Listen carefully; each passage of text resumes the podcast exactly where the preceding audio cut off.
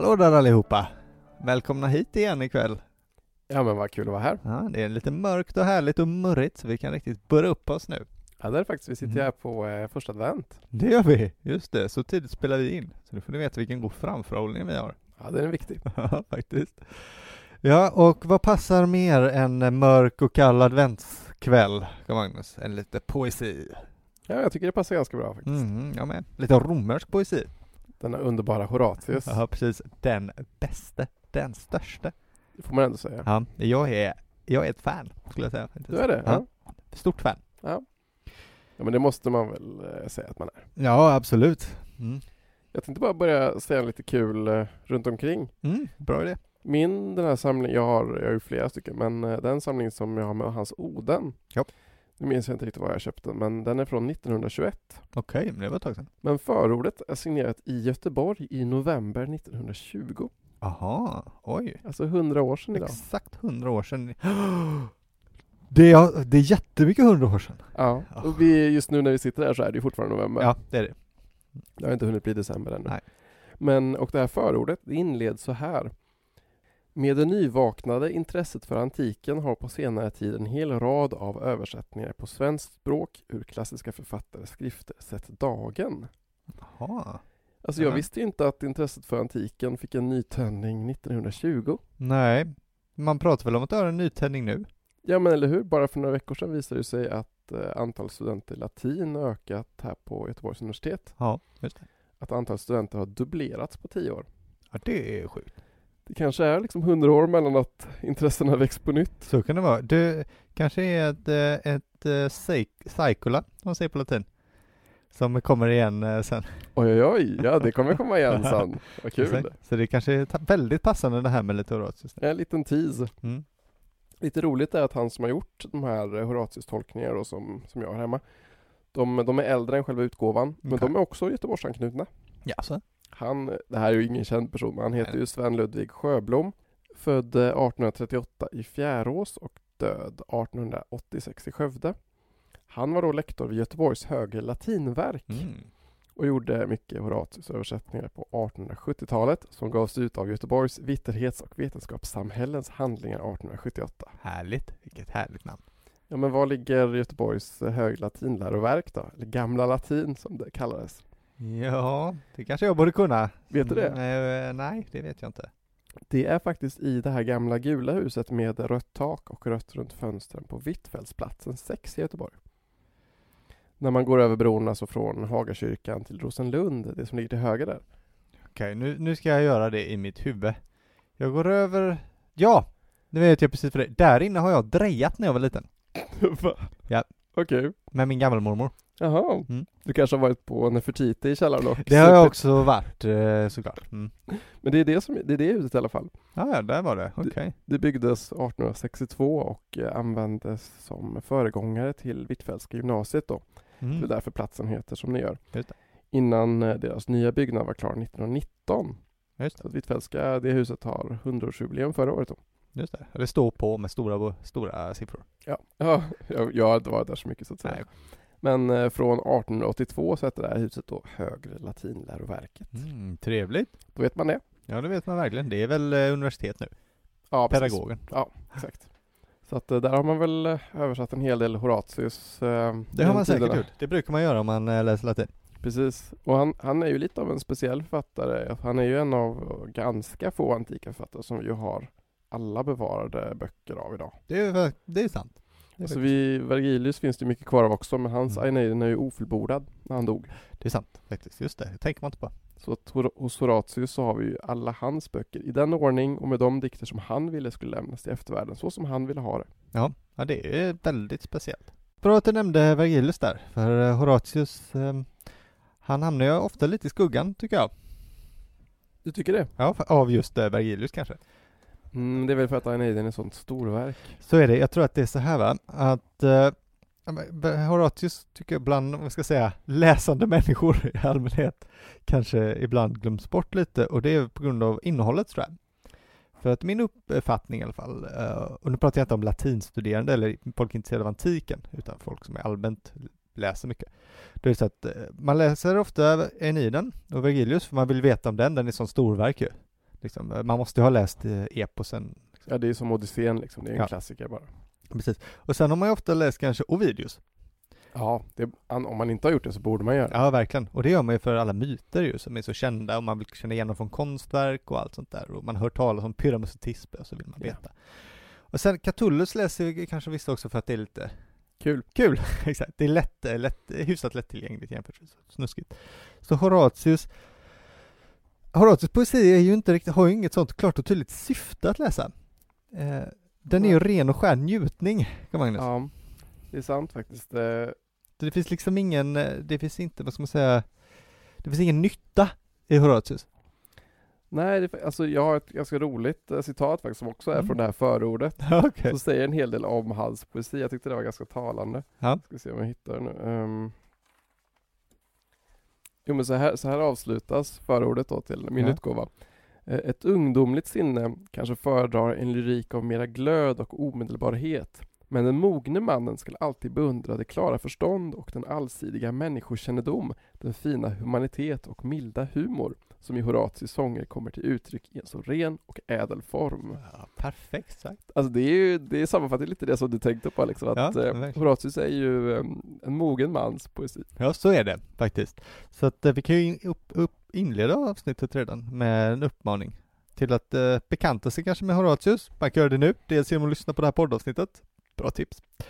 Eh, och sen tycker jag efteråt så gör man så här va, man häller upp ett eh, stort glas vin, Mm. eller samtidigt, omger sig med lite grönska helst, öppnar en samling av dikter och låter sig transporteras va, till den här världen av poetisk perfektion. Lå- Låter ju underbart. Mm, för att så är det, för Horatius, även om man ska inte missa honom, för det är, det är liksom fulländningens poesi.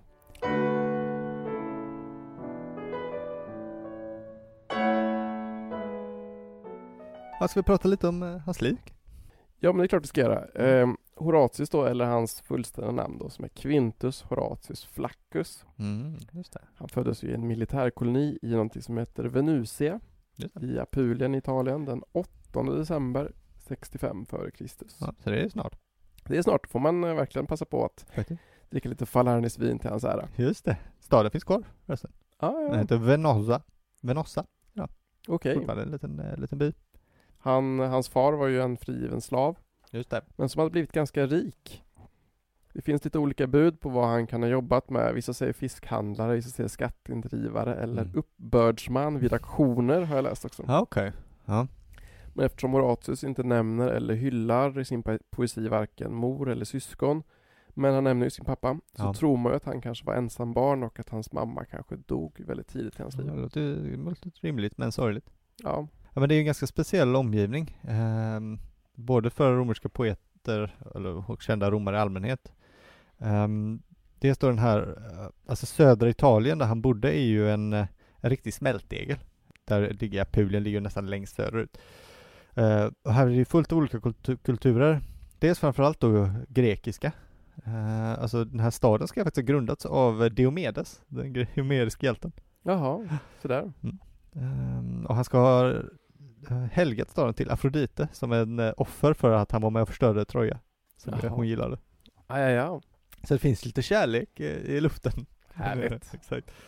Eh, och grekiska eh, koloniseringen här är så omfattande att området blir känt som Magna Graecia. Ja, Stora ja, ja. Grek, Storgrekland. Det är ju södra Italien. Det är ju faktiskt ganska roligt. Det kan man ju tänka på att eh, om, man vill, om man inte vill se romerska lämningar utan vill se grekiska lämningar, grekiska tempel och sånt där. Ja, Så kan man ju åka till södra Italien också, inte, Ja. inte bara till Grekland eller Turkiet. Och så. Nej. Några av de bästa finns ju på Sicilien. Precis, vilket ju är, säger lite emot ens, eh, intuitionen säger ju att romerska grejer finns i. Italien och grekiska ligger i Grekland, men eh, Ja. ja, men det är verkligen inte riktigt, in, verkligen inte sant faktiskt. Säga. Eh, Alltså det här området är inte så romerskt då. Det är dels väldigt mycket grekiskt. Sen är det andra folk som samniter och osker, folk som har oskiska. Och det här är både italiska språk, som nu är, de är så länge försvunna, de försvann redan under antiken. Mm. Men området erövrades av Rom sedan 291 före Kristus. Och det är då som det ska ha bosatt sig romare i området, romerska soldater. ah, Så alltså finns det ganska många eh, influenser på Horatius, eh, kan man ju verkligen säga. redan från barndomen då. Ja, precis. Och det här är lite fascinerande tycker jag, anledningen till att- anledningen till att jag tar upp det är lite för att det finns väldigt få romerska författare som är från staden Rom. Ja, det är sant. Jag kan inte på mitt huvud säga en enda jag vet är från Rom. Nej, Catullus är han från Verona eller? Ja. Och Vergilius är från... Uh, han är från Neapel tror jag. Han är begravd i alla fall. Ja, han är begravd. Jag vet inte, han kan vara... Nej, han är inte från Rom i alla fall, det vet jag. Jag är Ja. inte på var han är ifrån. Martialis är ju spanjor. Nej, precis. Ja, det är sant. Det är inte så, Nej. det är inte så många. Nej, jag säger det. Och eh, till, ingen av dem som har skapat den latinska litteraturen, man kan säga fäderna då, ehm, det är ju då Ennius till exempel, Livius Andronicus, Terentius och Plautus, de första romerska författarna. Ingen av dem hade latin som modersmål. Ah. Så att, eh, så att den romerska, litteraturen är byggd på att folk kommer till Rom. Ja. Eh, ja precis, han får fri som en slav och det, det kan ju vara, man tror att det är för på grund av det här kriget ju. Bundsförvantskriget. Pappan blev slav. Jaha. Det är den rådande teorin för att eh, Roms allierade i södra Italien gjorde uppror mot Rom på 90-talet före Kristus. Oh, Förlorade. Det här är kriget mellan Sulla och Marius va? Eh, Nej. nej, det, det, det är lite, det går in i det lite. Jaha. Det är Sulla som, eh, som vinner över bundsförvanterna. Ja, ja, ja. Så det är andra folk än romarna som är i, i Italien. De gör uppror och så förslås de ner och man tror då att eh, Horatius pappa antagligen var en av de här italienska undersåtarna som eh, gjorde uppror mot Rom. Jaha. Att det är därför han kan bli slav. Det skulle också förklara varför han blir frigiven sen. Spännande ändå. Ja, Han har vara. lite speciell bakgrund då får man ju säga. Det får man säga, det är ju inte jättebra Nej. om man vill eh, göra sig ett namn i Rom kanske. Nej, och så blir ändå Horatius den han blir. Ja, vilken grej med. Men eh, ja, pappan då, han, eh, han var ju då för detta slav, men han hade ju gott om pengar. Och han la då ganska mycket krut på att eh, Horatius skulle få en väldigt, väldigt bra utbildning. Det är ju snällt. Och han gick ju i skolan med sönerna till eh, myndige centurioner, har jag läst. ja, härligt. Och ehm, efter ett tag så lämnade de ju också hemorten då för att åka till Rom. Mm. Och där skulle då Horatius gå i samma skola som eh, ja, de där dit riddare och senatorer skickade sina söner. Ja, Så att han fick ju så bra utbildning man egentligen kunde ja få. verkligen. verkligen. Så där gick han och eh, efter det så åkte han också till Aten till en filosofskola. Ja, det är det man, om man verkligen vill utbilda sig. Ja men verkligen, alltså dit då alltså, man ofta skickade förnäma bildningssökande ynglingar på den här tiden. Just det. Och eh, troligtvis så hörde han också föreläsningar med eh, filosofen Philodemos, Okej. som var ju en epikuré, lite mer om det senare. Och som skrev mycket om poesi och konst. Alltså förutom eh, Aten så bodde ju Philodemus i Rom och i Herculaneum. Okej. Och många av hans verk har man faktiskt hittat på 1700-talet i det berömda Villa de Papyri i Herculaneum. Ja, shit på Fritz. Japp, så till hans verk så räknar man också då ett, eh, någonting som heter De Poematis, alltså om eh, poesin, som är en slags, eh, slags mellanled mellan Aristoteles berömda om diktkonsten och Horatius egen då Ars Poetica. Ja, du ser du. Den för, försvunna länken. Precis, så det finns eh, ett visst inflytande säkert som man kan säkert spåra här. Ja, ja man får tänka sig Aten lite som en uh, universitetsstad nästan. Ja, liksom fin, det åker rika ynglingar för att plugga, men kanske inte plugga så jävla mycket. som att åka till Uppsala då. Ja, exakt. Han var skrivet inskriven i akademin tror jag, Jaha. Platos akademin. Wow. Men som vid, vid den här tiden var mer epikureisk än uh, platonsk egentligen. Okej, häftigt. Mm. Ja, men när Horatius befinner sig i Aten kommer ju en viss nyhet då. Ja, vad har hänt? Det är någonting som vi har pratat om många gånger. Ja. Men, jo, men Julius Caesar har ju blivit mördad då. Ja, Den det- 15 mars 44 före Kristus. Just det, Han blir ju det va? Ja. Mm. Vi har ju nämnt det här i vårt Julius Caesar-avsnitt och i vårt Kleopatra-avsnitt och i vårt Augustus-avsnitt. Ja, vi, rör, vi rör oss i de här kretsarna och gång på gång. Ja, och eh, besöker olika vittnesmål om, Ja. kring samma händelse. Och eh, Horatius eh, sticker lite ut här. Mm. För det som händer ju att eh, Caesars mördare då Brutus, Etu Brute, Ja, han kommer till Aten för att värva soldater. just det. Och eh, om man inte kommer ihåg riktigt vad det är som händer här så blir det ju en form av inbördeskrig efter Caesars död. Då bland annat då Octavius, som sen ska bli Augustus, tillsammans med Marcus Antonius söker upp och krigar mot Caesars mördare. Just det, det gör. Och Brutus värvar då Horatius till sin armé. Ja, han var ju i Aten för att just få det sådana här unga rika människor. för att få, man vill ju ha de aristokraterna på sin sida. Ja, exakt. Och eh, trots då Horatius ringa börd och brist på erfarenhet från krig så blir han också krigstribun, alltså typ av fältöverste typ. Ja, ja det är det får man säga, lägsta steget i den politiska, lägsta, inte, lägsta steget på den poetiska, politiska stegen. Ja, Eller trappan kanske man säger. för det är ju så med den bakgrund som Horatius har så är man ju utestängd från ganska mycket politiska poster. Så är det. Man får inte vara, eh, komma från en ja, slavfamilj för att kunna bli högre politiker. Nej, det kan man inte. Och eh, ja, Horatius deltar ju då också då i det berömda slaget vid Filippi Mm. som då är Just det. 42 före Kristus. Det går inte så bra för hans sida va? Nej, precis. Det är då som Caesars mördare till slut besegras och ja, tar självmord eller mördas. Och eh, Horatius, vad gör han där? Han kastar sin sköld va?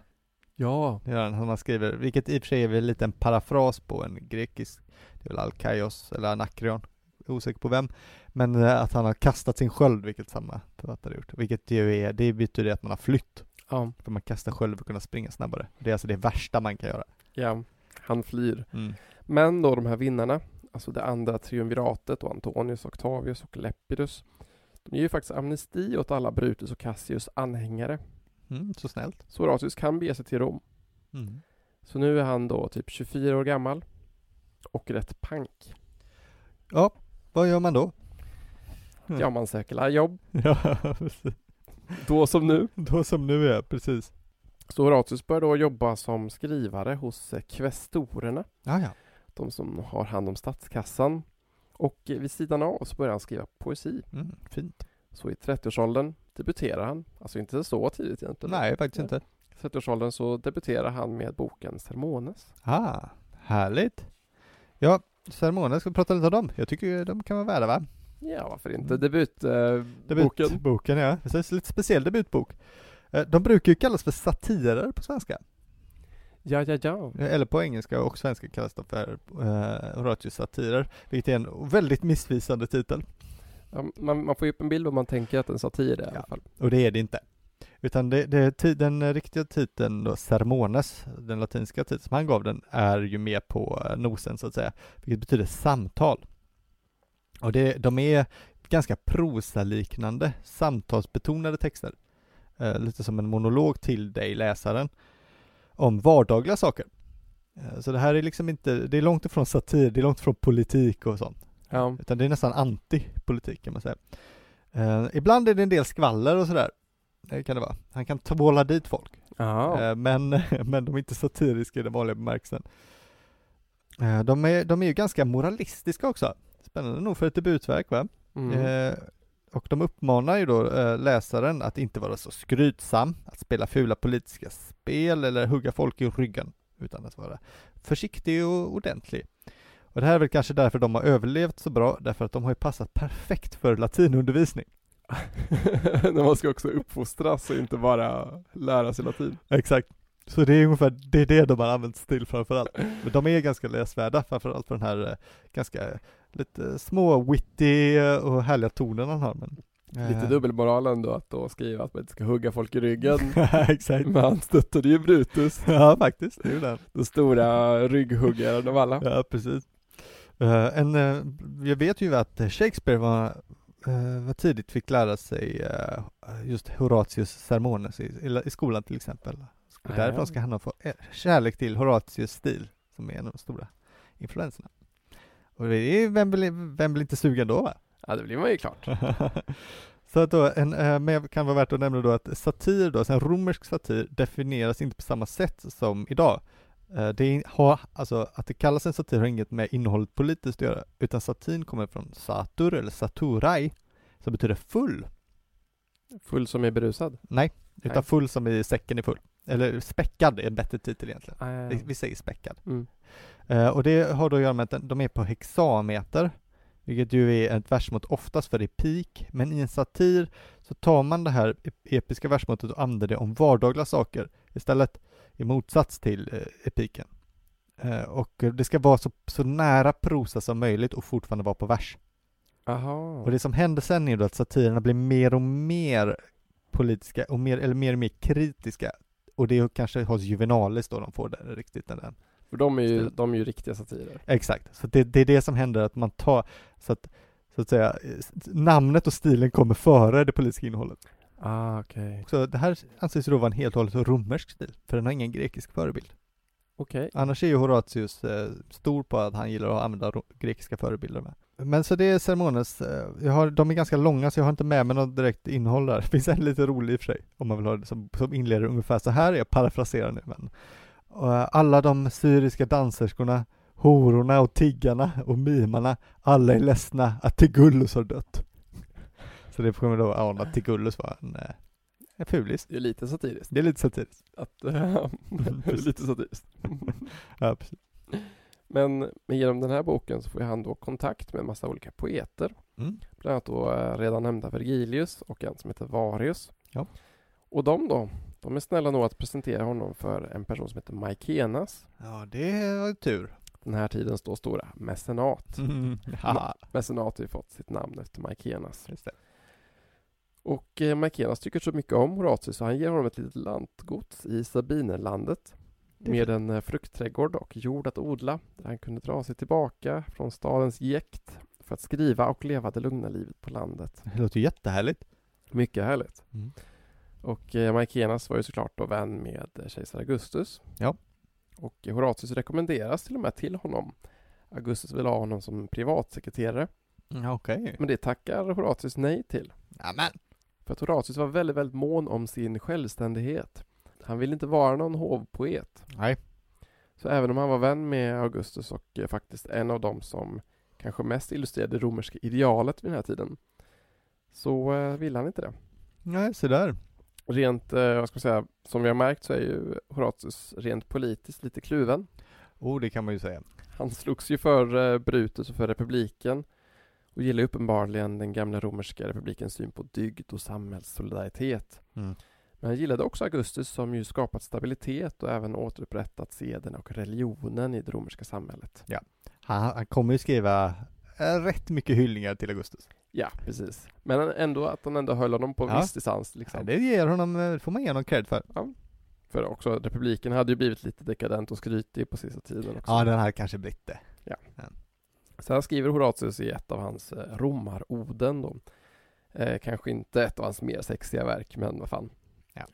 Ljuvt är och skönt att dö för sitt fosterland. Från döden löper ingen, om än så feg. Den följer hack i häl och flåsar. Sviktande härar sin pust i nacken. Mandom kan ej förnedras av nederlag. Ofläckad lyser alltid dess hedersdräkt. Dess ledarställning äventyras, ej av hur folkgunstens vindar blåsa. Mandom slår upp för hjältar som aldrig dö, Olympens port. Men den järvs att på vägrad stråt från hopens uselhet och mullens dunstkretsar lyfta på starka vingar. Ja, så där. Det talar till ens äh, äh, fosterländska. det är också ganska, um, ganska höga ord för en som flydde från det är det verkligen. Det, ja, faktiskt. Det här har ju blivit ett bevingat ord ju. Dulcet decorum, eh, est pro patria mori. Ja, just det, det Ja. kände jag. Det är gift att dö för sitt fosterland. Men det gjorde han ju inte. Nej, det gjorde jag inte. och, eh, men det finns faktiskt ett citat från ett av Augustus brev som citeras av Suetonius. Mm. Där Augustus skriver till Horatius Skäms du då för att inför eftervärlden synas ha varit min vän? Oj, oj, oj, oj, vilket brev. Alltså att eh, Augustus tyckte att han, han var lite väl eh, distans, eh, Ja, distanserad. verkligen. Det är också sådär, skäm, det är så kul. Skäms du över oss? ja, verkligen. Men eh, det var, det var viktigt att vara självständig och Ja. Horatius gifte ju sig heller aldrig. Nej, det gjorde han ju faktiskt inte.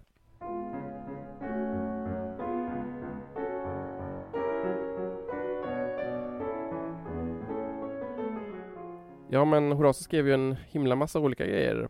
Satirer, påder, epistolaj, skaldebrev och festsånger och sånt där. Ja. Många strängar. Men mest berömd är ju för sina oden, alltså Carmina, som Ja, vi ska gå in på snart ju. Mm. För att ehm, det är ju inte så mycket hjärta och smärta hos Horatius. Nej, Utan, utan som jag man nämnt så är han ju mer vuxen och mogen. Absolut. Men det som, det som är så typiskt för hans stil är att han eh, ville skriva typisk romersk poesi men i stil och form med den klassiska grekiska poesin. Mm. Han sa att han förde den aeoliska sången på italiensk mark. Ah. Alltså den, den eh, poesi från Lesbos då som man tänker på Sappho och eh, Alkaios. Ja, just det. Ja.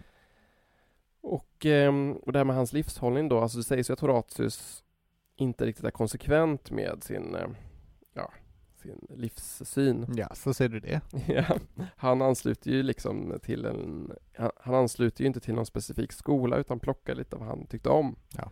Från epikurismen då, som vi kommer in på snart, ju, som sätter lycka i vänskap och ett måttligt njutande utan att oroa sig för morgondagen. Mm. Från stoicismen, om att behärska sina lustar och förakta rikedom och makt och ära till förmån för plikt. Och ibland också från peripatetikerna, som gillar det här med gyllene medelvägen. Ja, just det. Gyllene medelväg är kul, så här skriver han då på ett ställe. Eh, livets rätta kurs är att ej i otid trotsa djupen, men icke heller skrämmas fegt av varje vindil att söka lä bland strändernas klippor. Ja. Den som fann den gyllene medelvägens hemlighet går trygg för att lönnligt rädas fattigdomens skam och är glad att slippa prakten vid hovet. Jaha. Stormen brottas värst med en tall som rest sig allra högst. De torn som når längst mot himlen störtar lättast samman. Det är sant. Till bergens toppar söker sig blixten. Hoppas i all nöd, var beredd i medgång på annan lott. Då är hjärtats rustning värdig. Vinterstormarna måste komma, Jupiter styr dem. Men de stillna. Kyla idag, imorgon kanske vår. En dag vid en knäpp på cittrorna, väcken sångmön. Trött på att spänna bågen spelar Apollo. Trångmål pressar dig, då är lugn och högsint tapperhet av nöden. Men vishet kräves för att reva strax. Då för mycket medvind fyller ditt segel. Just det. Så att eh, han verkar ju tycka att man ska chilla, man ska inte vara den högsta tallen och inte det högsta berget utan eh, vara var alldeles lagom. Nej men så är det, det, är det går ju igenom poesin. I alla fall orden. Ja men verkligen. Ja, men vill man ha, det finns ju andra, vill man ha texter med lite mer bit i, så finns det ju faktiskt en samling. För att Mm. eh, jag- vi kommer återkomma till orden, Carmina, som är lite mer i den stilen du sa, alltså det handlar, ja, de, jag tycker ju de är bäst, de är ju bäst. Ja, ja. Men, men i poderna, det är då eh, texter som är inspirerade av den grekiska poeten Arkilokos. Ah. Eh, han är ju då mest känd för att han skrev en så bitsk dikt att mottagaren och hela dennes familj begick självmord av skammen från Arkilokos eh, eh, dik- dikter. Va? Det är helt sjukt. Ja. Ah, ja, det måste ha varit en jävligt elak dikt. Jo, verkligen. Jag vet inte om den finns bevarad. Jag minns bara att han skrev så här roliga fylledikter Ja. typ. Nej, men precis. Jag minns ingenting som eh, får en att ta livet av sig för att den var så hård. Nej, visst. Nej, inte jag heller. men ehm, eh, för övrigt kallade Horatius själv de här för jambi, för de är skriven på jamber, så versmåttet. Så att inga av eh, egentligen namnen på Horatius dikter som man får tag på i en samling är de han gav dem. Men Nej. Så. Så om du, om du letar efter orden här på latin så ska du inte bli ledsen för att du inte hittar en bok Nej. som heter Odes. Nej, exakt. Och de är ganska roliga då, alltså de innehåller ju en del självspäkningar och attacker. Och det här, man skriver de här under en liten arg period kanske kan man gissa. Framförallt handlar det mycket om Horatius impotens, Aj då. i alla fall ibland. Och han skrev ganska mycket om den faktiskt. Men det är lite samma, samma mm, eh, metod som eh, komiker använder. Att man måste ju slå Just mot sig det. själv för att kunna slå mot andra. Det är sant. Så måste ju väga det. Så att om man, om man Just klagar det. lite och bjussar lite på att han är impotent, då kan han slå friskt sen mot alla andra. Just det. Ja men hör på det här exemplet då ska vi se, eh, från epok 12. Eh, jag har översatt inte riktigt efter versmåttet så det får ni, det får ni strunta i. Um, så här går den ungefär. En sådan söt och äcklig lukt kommer från hennes gamla lemmar när hon trycker sig emot min slaka penis med vilda lustar. Hennes smink av krita blir, blir vått och rodnaden skapad av krokodildynga rinner bort. Oj, Ja, så ser jag. oj, oj, oj. Det var lite taskigt. Ja, också lite märkligt typ att liksom att hon är så upphetsad och han är helt slak. Ja. Det är inte så mycket poesi om det. Nej, nej, det är det faktiskt inte. Det, det låter nästan lite radikalt. Mm, faktiskt. Så är det någonting ni känner händer er så kan ni ju läsa. ja, men så här, Ja men så har han ofta, han, han har ju en del eh, han kan ju skriva rätt eh, hårt om olika kvinnor ibland. mm. Och inte sällan har det någonting med slängs in en rad om att han är så slak. Någonstans. ja, det är, Så kan det vara. det är maffigt. Så att ehm, eh, de här kan man ju lätt ta till sig och läsa. Dessutom är de bara 17 så att eh, så slukar man ganska fort. Ja, fan vad grymt. Mm. Det är lite roligt, eh, Horatius har ju skrivit en hel del kärlekspoesi eller då erotisk poesi. Mm. Men det är många kritiker som inte tycker att det, de är så bra. Nej. Och ehm, finns nog en liten spaning varför. Mm, Okej. För jag tror att det är för att han inte är så investerad. Nej, nej, så kanske det är. Alltså många menar ju liksom att, ja men Catullus till exempel, han sjunger ju om lesb, lesbia. Ja. om svartsjuka, hat och kärlek och Propertius sjunger om Cynthia och sådär.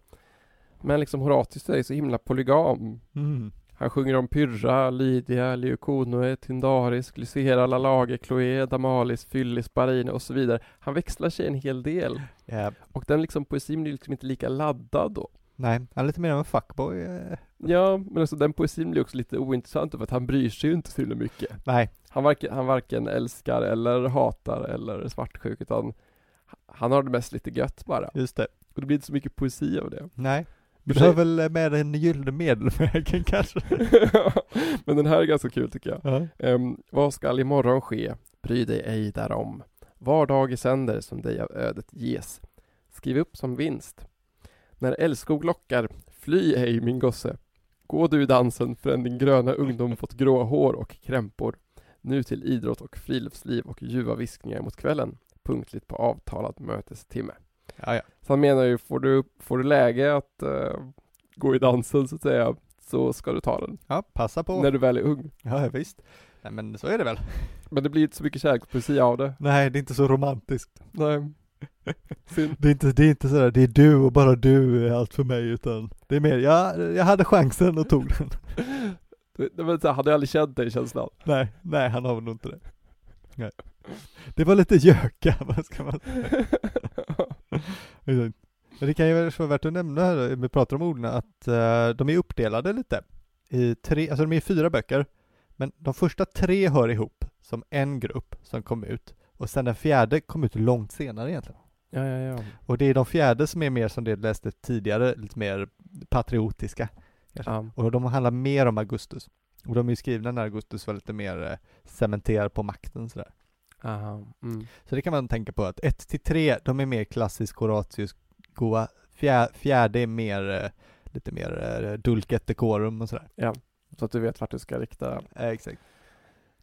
Ja, jag har ju jag har en liknande här till exempel då om Augustus från fjärde. Så, som det kan låta till exempel eh, 4-5. Så säger ju så här. Eh, du som härstammar från de goda gudarna och den främste bland Romulus folk. Du har redan varit borta för länge. Du har ju lovat att återvända till fädernas heliga samling. Så återvänd. Ja. Ja, så det är ju den goda gudarnas och förste bland romernas folk. Så. Ja, det är inte lika ball. Nej, det är ju inte det. Nu ska vi inte fokusera för mycket på hans eh, tråkiga dikter tycker jag, för att det finns faktiskt jättemycket anledning att läsa Horatius idag. Ja, um, den, det mesta. Sen har vi gått igenom det, att det finns eh, de här eh, patriotiska texterna, så kommer den. Ja men verkligen, alltså det är så mycket krav idag på karriär, att man ska ha en perfekt kropp och Mm. massa följare på sociala medier och man ska ha status och pengar. Aj, aj, aj. Men vad är det egentligen värt? Ja, Carl Magnus, nu satte du mig på stolen. Är det verkligen det som är lycka? Ja, jag säger att du stiftar på nej. Mm. Sebastian, all din strävan efter liksom karriär och kropp och liksom följare, Mm. Har det gjort dig lycklig? Nej, det har väl inte det. Det har väl inte det. Det finns ju fortfarande något jag saknar kanske. Men Horatius har då svar. Okej. Rik, mäktig, son av sagornas kunga ett. Vanbördig och eländig, en usel slav. Än sen, du dväljes under himlen. Orkus ska sluka dig obenhörligt. Aj, aj, aj. Orkus är ju då eh, dödsguden ju. Ja, det kan jag tänka mig. Trots att jag har alla följare och den perfekta kroppen så Ska man ändå dö. ändå det. Och då, vad spelar det då för roll om man var en kung eller en slav när Nej. slutet är detsamma? Om till och med jag. Till och med du. med alla dina följare. Exakt. Jävla taskigt. Jag behöver nog ett exempel, det här är Ja, nära. Ja. Det var så himla just på nosen där. men- Så här skriver han också ibland. Varför slösa kraft i vår korta livstid åt så många håll? Varför ständigt ty till andra luftsträck? Hemifrån kan du fly, men aldrig från jaget. Nej. Oh. Där kom det. Mm. Kan inte fly från dig själv. Du, Nej, det går ju inte faktiskt. Så här skriver i alla fall Horatius och det här kommer då mycket från en lära som eh, kallas epikurism. Mm. Det är en skola som grundades av en snubbe som heter Epikuros Jag ser där. som levde cirka 342 till 271 f.Kr. En skola som var aktiv och levande i Aten eh, fram till 100-talet efter Kristus. Ja, det var ganska länge. Ja, det vill säga när då Horatius också pluggade där. Ja. Inom epikurismen så talar man mycket om köttet som enligt dem då inte är skilt från själen. Lite annorlunda då mot till exempel Platon. Ja. Och läran går ut på att man ska befria köttet från lidanden för att därigenom då uppleva lust. Mm. Epikurus då, han tror inte på Platons kärlek till det goda utan han tror att in individen söker efter lust och sina egna intressen. Filosofins roll blir då att liksom, söka lust på ett eh, förnuftigt sätt. Ja, ja. Den enda sanna lusten då, liksom, vilket då är lusten i att existera. Jo, okej. Enligt Epikuros så är vi olyckliga för att vi inte känner den här sanna lusten, för att vi inte kan nöja oss med vad vi har, eller att vi söker något utom räckhåll, eller hela tiden då är rädda att förlora det vi har. Ja. Jo. Och det är kanske är svårt där för en modern människa att, ehm, att se liksom lust då som inte är direkt njutning. För det, här, Ja, just det. för det handlar liksom inte om ja, men typ njutning så som typ knark liksom. Nej. Utan det handlar om att inte lida bara. Ja, just det. Men idag kanske vi inte tänker att det är njutning att inte lida. Nej, inte omedelbart. Men det är det som Epikurus då kan, kan och vill lära oss. Japp. Alltså att njuta av det här nollläget mellan smärta och njutning, alltså befrielsen från lidande. Ja, ja. En form av sinnesfrid och då frånvaro av bekymmer, Mm. av att bara vara. Härligt, härligt. Men det finns ett problem. Ja, okej. Den sista grunden för alla lidelser är ju rädslan för döden, Jo, så är det ju såklart. som gör människor olyckliga. Och därför utvecklar Epikurus då en eh, fysik, alltså en teori om hela världens beskaffenhet. Och det här är en atomistisk värld, där allt är atomer som krockar och slår in i varandra. Ja. Det finns inga gudar, så vi behöver inte vara rädda för dem. Och eftersom vi bara är atomer, som finns till av en slump, en avvikelse i deras banor i universum, borde vi heller inte frukta att dö. Vi är ingenting och kommer snart bara vara ingenting. Ja, men så där du. Positivt. Ja. Och eh, det här för oss in på då kanske en av Horatius kanske allra mest berömda dikter. Ja, så du. Vad är du på väg nu? Vad kan det här vara? Den som vi akademiker då kallar 111. Just det. Det är så sexig titel. Ja, 111 kallas den. Mm. Jag tänkte att eh, Sebastian kanske vill läsa den på eh, latin. Ja, så du. Ja, men det kan jag göra. Jag har ju min fina samling här, min fina Oxford-utgåva. Nice. Horatius samlade texter. kommer nog finnas några ord där även på latin som man kanske känner igen. Tror du det? Tror du det? Mm. Jag ska se här. Uh, lärda lyssnare som lyssnar får ursäkta skanderingen. I, ifall den uh, sviktar, det lär den göra. Jag är inte så jävla haj på det. Eller njuta av den. Eller njuta av den. Jag ska göra, ja. det. Ja, på latin då, 1.11. Tu ne quaesieris scirene fas, quem mihi quem tibi, finem didederint leucone, nec Babylonios temptaris numeros ut melius quid quid erit pati seu pluris iemes seu tribuit Jupiter ultimam quae nunc oppositis debilitat pumicibus mare. Tyrenum sapias vina liques et spatio brevi spem longam resce reseces dum loquimur fugerit in vida aetas carpe diem quam minimum credula postero. Ja. Man Ja. kände igen det, sviktade lite där. Men det var väl fint? Ja. Som ni märkte så är det alltså den dikt som Carpe Diem kommer ifrån. Ja, det hörde man väl där. Ett väldigt eh, berömt saying idag får man väl säga. Ja. Eh, jag, vet, jag har gjort en liten översättning, Det har du gjort. men jag gjorde den för ganska länge sedan så jag vet inte om den, om den är helt korrekt. Men Nej. den är kanske hyfsat korrekt. Den låter så här då. Fråga inte Leukonoe om det slut som gudarna kommer att skänka dig och mig. Det är synd att veta. Sök heller inte svar bland otaliga babyloniska uträkningar. Det är bättre att uthärda vad som än kommer. Antingen låter Jupiter dig spendera många fler vintrar, eller bara en sista, som mot de motsatta klipporna fördärvar det Tyrenska havet. Var klok, pressa vinet och gör dig för en kort stund fri från stora förhoppningar. Ja. Medan vi talar, fly den avundsjuka tiden. Ta vara på dagen med så lite tilltro som möjligt till den nästa. Ja, härligt va? Det är väl jättefint? Mm. Väldigt, eh, det är en bra dikt alltså. Alltså, det är, alltså jag tycker den är jättefin. Alltså även om Carpe Diem har blivit så jävla så utvattnat och eh, Ja. så förknippat med fula trä, ut, alltså utskärningar som man har liksom på en jävla bokhylla. Just det. Så är ju dikten jättefin. Ja, den är väldigt fin. Eh, Då kan man ju reclaima carpe diem. Ja, verkligen. Carpe Diem 2.0. Exakt. Och, eh, och det här finns ju då den epikur, alltså epikureiska filosofin då. Alltså fråga inte om gudarna och vad de tänker ska hända med oss efter Nej, döden. Sök heller inte svar i babylonisk mystik och flum och sånt där. Nej. Utan ta det som kommer med jämnmod. Var klok. Drick Mm. vin. Japp. Och håll inte på och tänk på framtiden och vad du vill ska hända och håll på liksom ja, men oroa dig på för framtiden utan njut av dagen som om det var den sista. Ja. Och det är inte, när vi tänker på att njuta av dagen som den sista idag så brukar ju det oftast att man ska stupa sönder. Så att, Så brukar det vara, ja. men det menar han, inte, han, han inte utan, utan man ska nej, man ska bara njuta av att vara bara. ja. Det är inte som, eh, det är inte det jag menar när jag säger, kom Magnus så tar vi och karpar den här. Nej precis. Det betyder bara vara ute tills allt stänger och ännu längre. Ja. Det gjorde inte Horatius. Nej, det gjorde han kanske inte. Uppfinnare av carpe diem, det är en ganska bra bedrift ändå. Ja, faktiskt. Det finns en eh, dikt som är lite liknande, eh, som också är jättefin tycker jag. Det här är inte hela då, men det går i översättning så här. Det, här, det är två, tre. Alla heter två, tre, tre, fyra, alltså sådär siffror. Första siffran är ju boken och Just andra det. siffran är då vilken dikt det är, ordningen i den boken då. Ja, precis. Och den går så här. Kom ihåg att hålla tankarna i schack när livet är svårt och tillika att inte ge efter för överdriven lycka när det går bra, Delus min vän.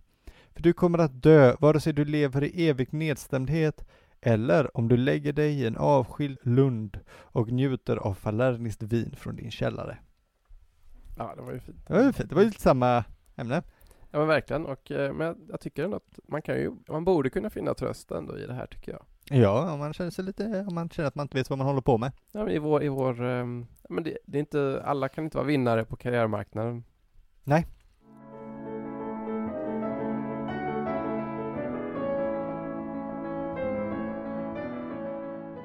Men i vinmarknaden Men alla kan ta ett glas vin och bara njuta av att vara. Exakt. Och det var bra att du sa det, för eh, det finns ju nå- någonting som är lika härligt som att läsa Horatius poesi i princip. Och det är att dricka vin, kom Magnus. Ja, det är härligt. Det tycker du om? Det är härligt. Ja, det har jag sett. Ja, Guilty of charge. Ja, precis. Och det här är faktiskt en ganska stor del i eh, Horatius poesi, Jaha, ja. vinet just.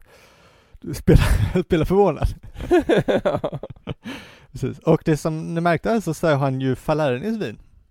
ja. Det sa han innan. Det är ju då så att eh, Horatius generellt sett nämner typer av vin. Det Mm. gör romerska författare överlag. Man säger inte bara drick vin, utan man säger vilket vin. Mm. Och inte, man säger inte bara rött och vitt vin. Nej, precis. Det är faktiskt aldrig jag att säga rött eller vitt vin. Och det är lite svårt att veta om det är rött eller vitt. Nej, det, är faktiskt, det, det finns inte, jag har aldrig läst en dikt som där säger och så drack jag rött vin. Nej. eh, Falernis, det är nog vitt förre- förresten, men man vet ju inte riktigt. Jaha. Men eh, via Plinius tror jag så tror man att det är vitt.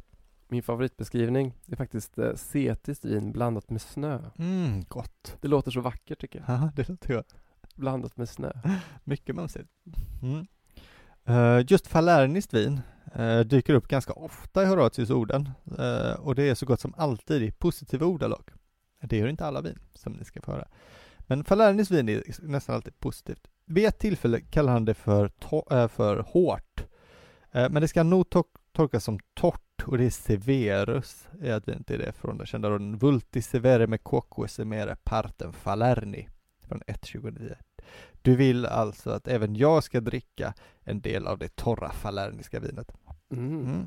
La jag upp på en eh, Instagram-bild en gång lite coolt nog när jag var i Neapel och drack falerniskt vin. Ja, ja. För att det kan man ju fortfarande göra. Eh, på ett ungefär i alla fall. Falerniskt vin växer ju fortfarande i Kampanjen, söder om Rom, eh, området där Neapel ligger, huvudstad. Precis, så det, det är osäkert eller väldigt osannolikt att det är samma druva då jag drack som Horatius drack.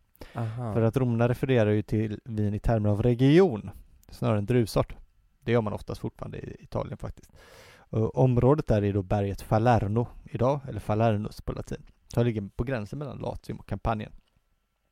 Och det här var ett oerhört popul- populärt vin, Falernus vin. Trimalchius serverade i Satyricon, i den här kända pangmiddagen han bjuder på. Mm. Eh, där han ska bjuda på allt bästa. Liksom.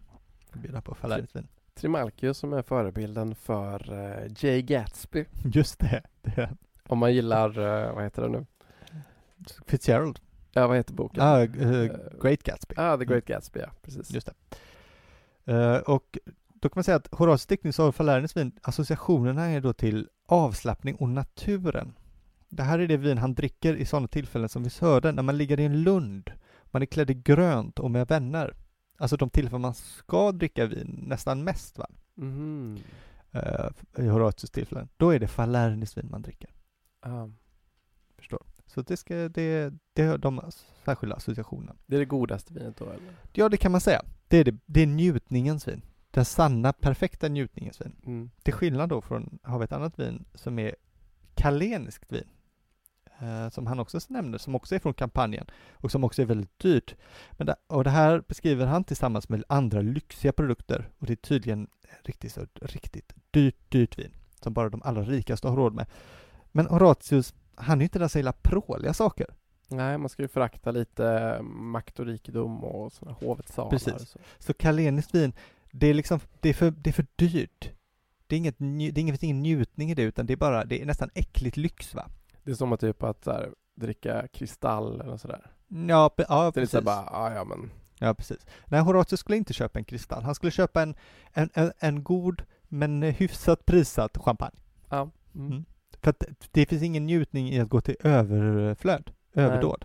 Och det ska inte vara skrytigt utan det ska ju vara gott. Precis, så inget kalenskt vin för Horatius. Inte heller sabinskt vin. Nu har han ju en gård i, i Sabinerområdet då, men det är ett riktigt skitvin. Alltså. ja, det här beskriver han som surt och äckligt. Eh, och romarna hade ju generellt ganska söta smaklökar va? Så han gillar inte alls det här. Sabinskt vin påstås också vara billigt.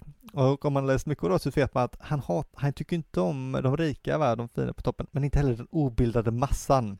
Nej. Odi profanum vulgus, som han säger. Jag hatar den obildade massan. Ja, han ligger väl däremellan någonstans. Exakt. Så att det sabinska vinet, det faller också ut. Han kan ju inte ha så mycket vänner kvar då eller? Nej, exakt. Det är, det är liksom rödskjut, Ja. kan man säga, sabinsvin. Det är det du köper för 50 kronor ur en tapp. På. Ja. Men som är så lite så här, ja men lite surt och strävt. Och så Ja, exakt. Man har inte, det har stått uppe för länge.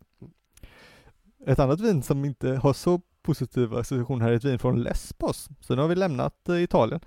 Eh, Det kallar han för ofarligt, eller, eller oskyldigt innocens. Jaha, vad betyder det då? Jag antar att det innebär att det är lite blaskigt. Det är inte så starkt? Nej, det ska vara hälsosamt också. Ja, då kan det inte vara så starkt. Nej. Så det men det finns inte så mycket mer att säga om det egentligen, det nämns bara.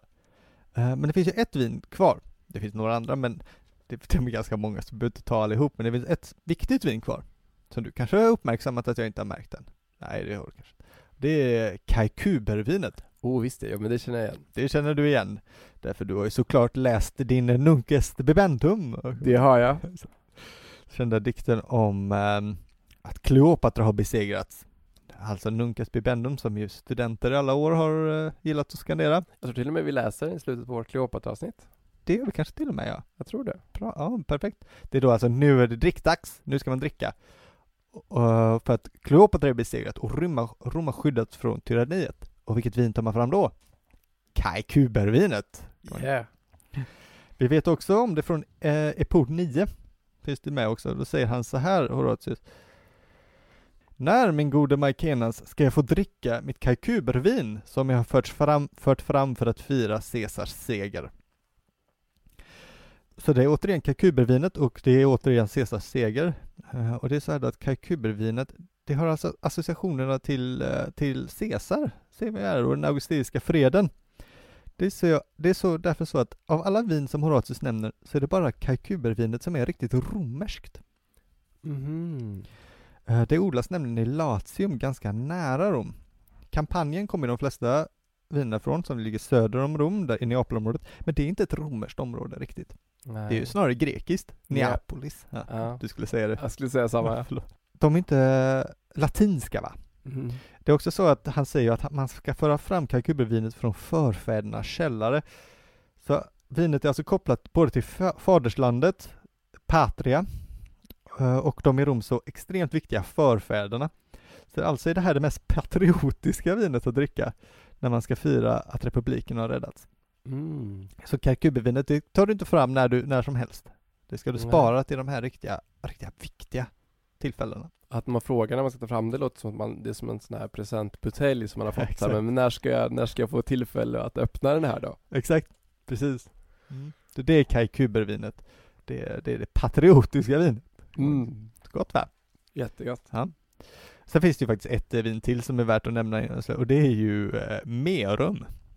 Och det är, det är ingen sär, särskild sorts vin utan det är oblandat vin. Vin som man inte har blandat ut med vatten, för det ska man ju alltid göra. Eller med snö. Som du sa, om man blandar lite kallt och gott. Mm, mm, mm. Men det dricker ju bara barbarer och, eh, och kentaurer. Ja, ja. Och då blir de vilda och slåss och sådär. Och det är ju ingenting som Horatius rekommenderar.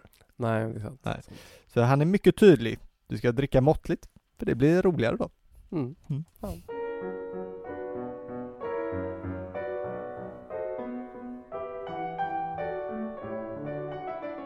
Ja, vi får ju, nu har vi fokuserat på lite, det finns ju några andra saker han har skrivit som inte är så kända, sådana här. De får, kan vi inte bara gå över eh, helt eh, tyst.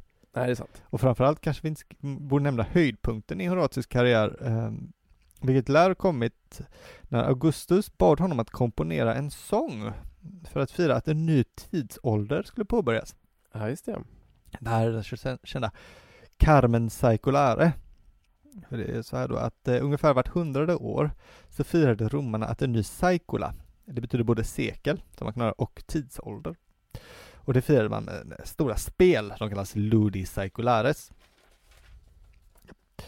Och under inbördeskrigen och de tidigare århundradena så verkar det som att festen har legat nere. Så de har inte kunnat eh, fira som de borde. Men eh, det här vill ju Augustus eh, råda bot på såklart. Det är därför bjöd han på en riktig folkfest. Just det här också, hur lång ett cykelum är var också lite godtyckligt. Ja, jo. Alltså de har ju ett sätt att räkna det, alltså typ som ett sekel. Men man kunde också som August säga, nu är det. Ja, exakt. Det är nu. Men det var så han gjorde. 17 före Kristus sa ah, nu ska vi fira. Eh, Och då håller man på i sex dagar med olika offer, var ju det viktigaste. Man offrar till olika gudar och, och har föreställningar. Lite olika delar av stan, sådär. Det här kulminerade på sista dagen eh, på Palatinen, alltså centrum, centrum i Rom, den 3 juni med offer till Apollo och Diana. Och sen var det en gosskör som framförde Horatius specialskrivna sång Carmen Saeculare. Nice. Mm, det var fint va? Och dagen efter sen var det lite, var det lite pjäser, det var häst och vagn och så slaktade man vilda djur och, så, och titta på det. Kul va? Det låter väl Ja. jättetrevligt. Men jag, det här vet, var ju en riktig ära ju att skriva en sån. jag vet inte om, om jag har rätt kronologi men för det var väl lite som en comeback för honom va? Ja, det var det ju lite. För han hade ju faktiskt lite slutat skriva innan den här festen. För, för att som du nämnde liksom Han hade ju lite problem också med folkmassan och sånt där. Ja. Och många i stan tyckte faktiskt att han skrev lite för svårt och konstigt. Ja, det gör han ju också. Ja, jo, jo men alltså i, om man kollar på poesi idag ja, så är det ganska rakt på sak. Ja, jo det är sant. Nej visst. Om man tänker på eh, experimentell 90-talspoesi Ja. så är han ju inte så jävla konstig. Nej. Han har liksom då dragit sig lite tillbaka och hänger mest på landet och vill inte vara i stan. Han, han börjar också tycka lite illa om dem som, alltså all folket i stan och tycker att de de vill inte prata om honom eftersom de, eh, eftersom att han då inte har, han har vägrat att svassa för kritikerna. Aha. Så han kände sig lite kränkt här vid den här tiden faktiskt. tråkigt. Innan, innan den här eh, stora comebacken då som den här eh, Circularum-texten då var. Ja, men du ser. Och sen har jag skrivit epistlarna också. De är liksom som brev, eh, fast de är inte riktiga brev. Riktigt, utan de är mer filosofiska och så. De har också använts som eh, skolmaterial framförallt. Och det är nästan ingen som läser om lyften tror jag. Nej, jag vet inte om jag har läst någon. Eh, om, man, om man läser brev så är det väl Senecas brev man läser. Ja, exakt. Och sen är det ju Ars Poetica, som väl är hyfsat stor. Som är en handbok i att skriva poesi. Som ju är en dikt. Jag vet inte hur mycket poesi man lär sig av att läsa den egentligen. eh, Det är lite skam, jag har faktiskt inte läst den. Det borde, man, borde man ha gjort. Ja, alltså det är ju inte, det är inga handfasta tips om vi säger så. Nej, okej. Han har ett bra tips, ta inte på dig mer än du kan bära. Den är alltid bra. Det är alltid bra. Men annars är det, det är mer en dikt än vad det är eh, om att skriva dikter. När man är ung så vill man annars eh, spänna musklerna. i. Ja, ja visst. Det ska man inte göra. Nej. Skamset sitter han borta. ja. Horatius, han eh, håller ju kvar sin eh, bekantskap med sin vän då Markenas. Mm. Och han säger till honom att ehm, han inte kommer att överleva honom. Nähä, ser han det? Och Markenas dör då 8 före Kristus. Ja. Bara några veckor senare, den 27 november, Mm. alltså i fredags nu när vi sitter här och spelar in, Mm, så dör Horatius 57 år gammal. Sorgligt. Ja, och hans aska läggs bredvid eh, Markinas grav på Esquilinen då i Rom. Ja, riktiga kompisar där. Verkligen. Mm. Så det kan man tänka på om man är i närheten av den kullen. Ja, det finns ju en byggnad där som eh, då någon har påstått är Markinas auditorium. Man tror att det var i alla fall där hans hus låg. Det är väldigt oklart om det är så, men eh, det ligger på rätt ställe så att säga. Och i så fall är det, har man ju själva lokalen där de här dikterna framfördes. Då, då, då flyger hans ande där Ja, exakt. runt omkring. Kan vi hoppas. Ja, en sak som är spännande är Horatius, han har ju varit populär hela tiden sedan sin livstid. Ja, det är helt galet. Alltså de många romerska författare, med undantag för Vergilius kanske och Ovidius till viss del, har ju tappat det någon gång, försvunnit. Man har inte alla texter och sådär som, som du nämnde. Men inte Horatius alls. Nej. Han har varit populär hela tiden. Man kan ju ha det som lite riktlinje att om alla texter finns bevarade i sin helhet så har de kopierats regelbundet sedan dag ett. Ja, exakt. Mm. Att, eh, för att det är så saker finns. Ja, ja, men exakt. Precis. Det är ju långt innan tryckpressen, de måste ju skriva ner allting. Ja. Vart 20 år och sådär, för papyrus håller ju inte så jävla länge. Nej. Nej. Nej men det är faktiskt fantastiskt. Men det här visste han ju om. Horatius. Han anade att Ja. han skulle få en viss framgång. Så han var, han var inte så ödmjuk man kunde tro. För han avslutar ju sina orden i samling 3 med att säga Exegi monumentum aere perennius. Jag har rest ett monument tyngre än brons. Alltså varaktigare än brons. Och sen säger han Non possit diruere auti innumerabilis anorum series et fuga temporum. Alltså som varken de oräk- oräkneliga åren eller tidens flykt kan riva ner. Och det var ju sant.